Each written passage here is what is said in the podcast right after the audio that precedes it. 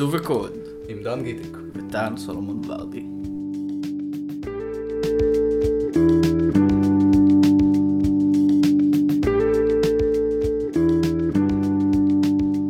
היי, היי דן. מה קורה? בסדר גמור, מה איתך? מעולה. היום אנחנו נדבר על תהליך היצירה. יס. על השלבים שלו, על הבעיות שיש בו, וננסה להבין אם יש לנו משהו לחדש או להוסיף בנושא הזה. מעולה. אז מה הבעיה שלי עם הנושא? למה בתכנות. בכלל... בתכנות, נכון. אבל גם בחיים. למה בכלל העליתי אותו? כי הרבה פעמים אני מרגיש שתהליך היצירה מתחיל בהתחלה ומתקדם בשלבים עד הסוף, ואז הוא נגמר. עכשיו, זה נשמע די אינטואיטיבי, אבל האמת היא שהדרך האחרת לעשות אותו זה בכמה איטרציות, לעבור על הכל מההתחלה ועד הסוף כמה פעמים, וכשיש כל מיני תלויות בין הפרקים בהמשך לפרקים בהתחלה או דברים כאלו, זה הרבה יותר הגיוני. כלומר, אני רואה הרבה פעמים שעושים משהו כמו שתיארתי, אוקיי. ו... וזה לא בהכרח מה, ש... מה שאני הייתי עושה. זה מתסכל אותך? זה לא מתסכל אותי, זה פשוט נראה לי כמו דרך מאוד לא נכונה לפתור את הבעיה, כאשר הבעיה מורכבת. כאשר הבעיה מאוד פשוטה ולינארית, אז על הכיפאק. אבל אם בבעיה יש איזה שהן תלויות, זה לא כל כך עובד. מה אתה מגדיר אה, בתור תלויות? למשל, כשאתה עושה איזשהו פרויקט שבו אתה, יש אחוז אי ודאות גבוה, ואתה לא לגמרי בטוח איך דברים uh, will play out, אז אם אתה פשוט מתחיל ועובד עליו, ועובד עליו הרבה, אתה ככל הנראה נשבע באיזושהי קונספציה. כלומר, אתה מתקבע באיזושהי דעה, ואז ככל שאתה ממשיך להתעסק בפרויקט הזה מבלי לצורך העניין לעשות סוויץ' או לקחת רגע צעד אחורה ולבחון אותו מחדש, אתה מעמיק, לצורך העניין אם הייתה צומת דרכים ובחרת שביל, אתה כן. מעמיק בשביל הזה.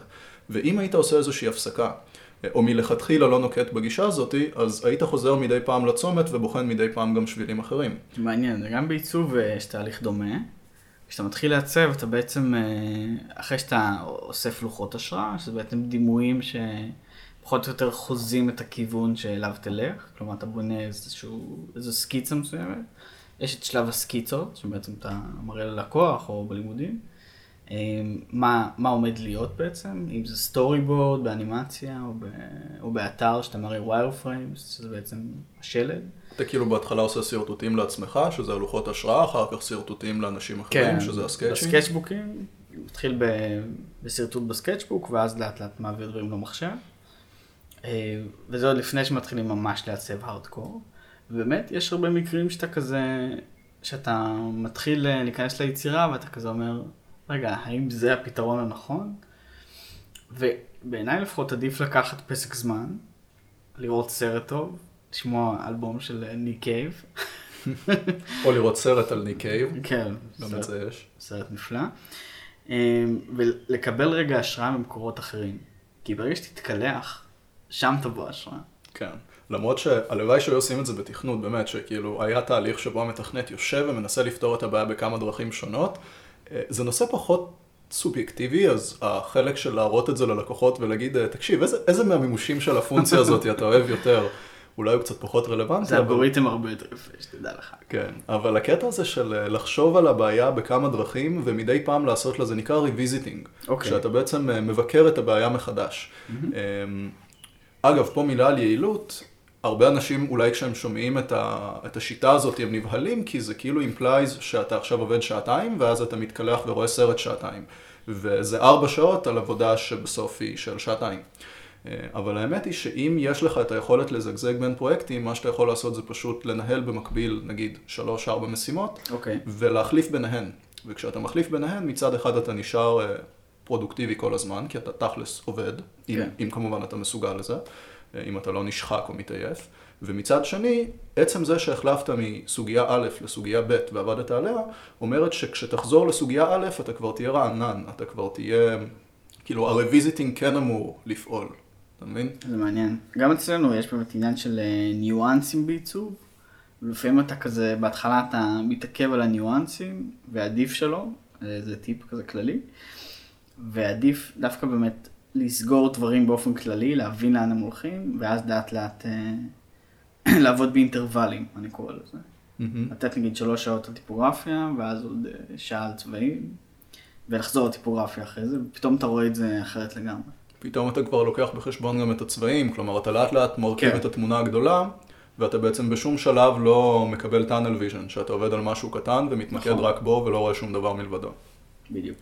אהבתי את מה שאמרת על הניואנסים, זה תקף האמת גם לקוד, אה, כי הרבה פעמים כשאנשים אה, מתחילים לתכנת איזשהו פתרון לאיזושהי בעיה, אז למתכנתים יש נטייה מאוד חזקה לגנריות. גנריות, אוקיי. הכוונה היא פתרון שמתלבש על הרבה מאוד בעיות אה, מאותה סוגה, מאותה משפחה, ומה שקורה זה שהם רוצים מלכתחילה לכתוב קוד שיטפל בכל המקרים האלו.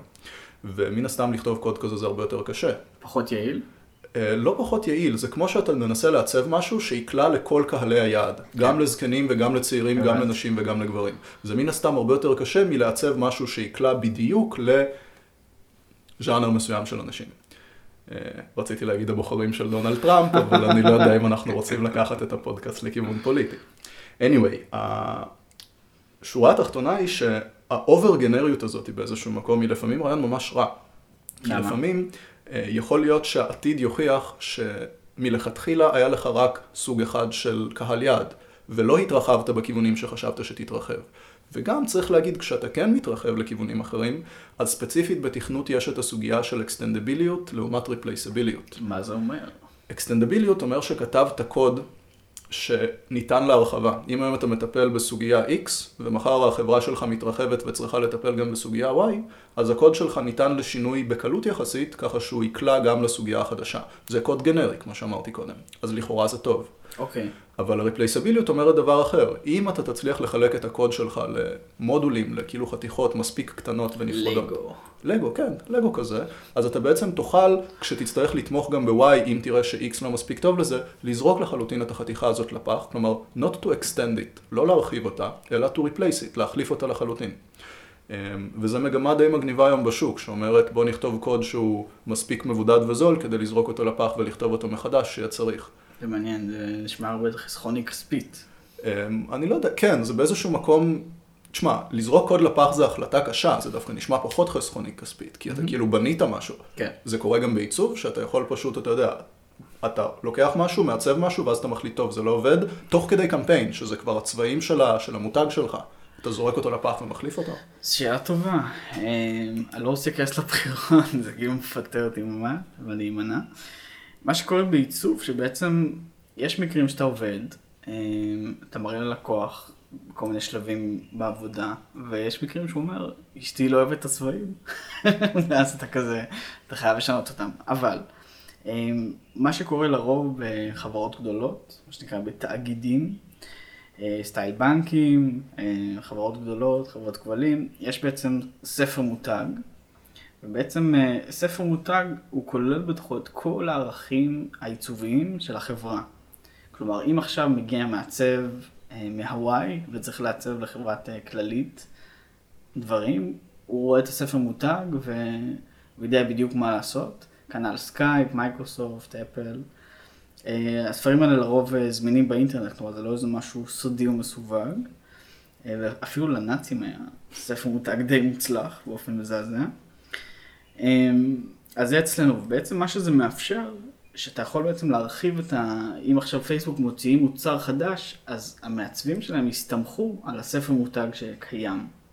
אה, ובעצם זה מקל ממש על העבודה, כלומר זה תמיד ניתן להרחבה. זה קצת כמו שבוטסטראפ או גוגל מטריאל דיזיין המציאו סוג של ספר מותג אה. לעולם, הם אומרים כאילו, אלו הצבעים, אלו הגופים. ככה תעשו. ככה תעשו. אז זה דווקא דיברנו עליו באיזה פרק קודם, על היתרונות ועל החסרונות של זה. נכון. תשמע, חבל אבל שלא מיישמים את הקטע הזה של uh, תהליך היצירה שדיברנו עליו, של הקטע הזה של uh, לעשות הכל מההתחלה ועד הסוף כמה פעמים, גם על דברים אחרים. כי הרבה פעמים כשאני רואה אנשים נגיד לומדים, בקורסים uh, באקדמיה למשל, אז uh, בכל מדעי הרצאה- המחשב. מדעי המחשב. רגע, בעצם אני אגיד, תגיד לי אם זה בעיצוב לא ככה, אבל הרבה פעמים אתה בוחן איזשהו נושא, אוקיי. ואתה בוחן אותו לעומק, ואז אתה מתקדם לנושא הבא ובוחן אותו לעומק, וככה אתה ממשיך. והרבה פעמים אין לסטודנט עדיין, או למי שלומד, את התמונה הרחבה של כל, ה... כל הנושא הזה, כל התחום הזה, ואם היו נגיד שלושה ארבעה שיעורים מקדישים לסקירה מקיפה, ואז עוד שלושה ארבעה שיעורים לירידה לפרטים של דברים, זה עדיף היה משמונה שיעורים שמלכתחילה גולשים לעומק. זה לא ככה בעיצוב. זו שאלה ממש טובה, קודם כל תלוי באיזה קורס. אה, זה מאוד מאוד משתנה, וגם ככל שהשנים עוברות, אז יש אה, תהליכים יותר רחבים על פני יותר זמן. נגיד שנים ראשונות, שנתיים ראשונות, יש אה, משימות של שבועיים או שבוע, אז אין ממש, אתה יודע, תהליך כזה סופר רחב. אבל נגיד שנה ג', שנה ד', יש פה פרויקטים של חודש, חודש וחצי, ואז באמת אפשר, כל פעם צוללים יותר לעומק. אבל אצלנו לדעתי פחות בעייתי מאשר אצלכם. אתם באופן כללי בעייתיים. כן, זה בא עם התפקיד, זה בא עם המקצוע. זה נכון. טוב, אז אם נסכם את זה, אמרנו יש תהליך יצירה, אמרנו אפשר לעשות אותו מההתחלה ועד הסוף, נכון. ואפשר גם לעשות אותו כמה פעמים. כלומר, אה, לעשות לו revisiting, ואז פחות מתקבעים בדעות מסוימות. אמ, ומגיעים ל... לא יודע, יצירתיות אה, רבה יותר, או מזהים בעיות בצורה קצת אחרת. אני חושב שזה תהליך יותר נכון. נכון. אמ, לפחות בעסקים בטוח, בעסקים עושים את זה. כן. אבל אה, אולי גם בלמידה ובתחומים אחרים בחיים. מעולה. טוב, תודה רבה. אנחנו נעלה עוד פרק, נראה לי עוד שבועיים, עכשיו עם הסמסטר והכל. אני הייתי דן. אני הייתי טל, תודה רבה לכם. יאללה ביי. ביי.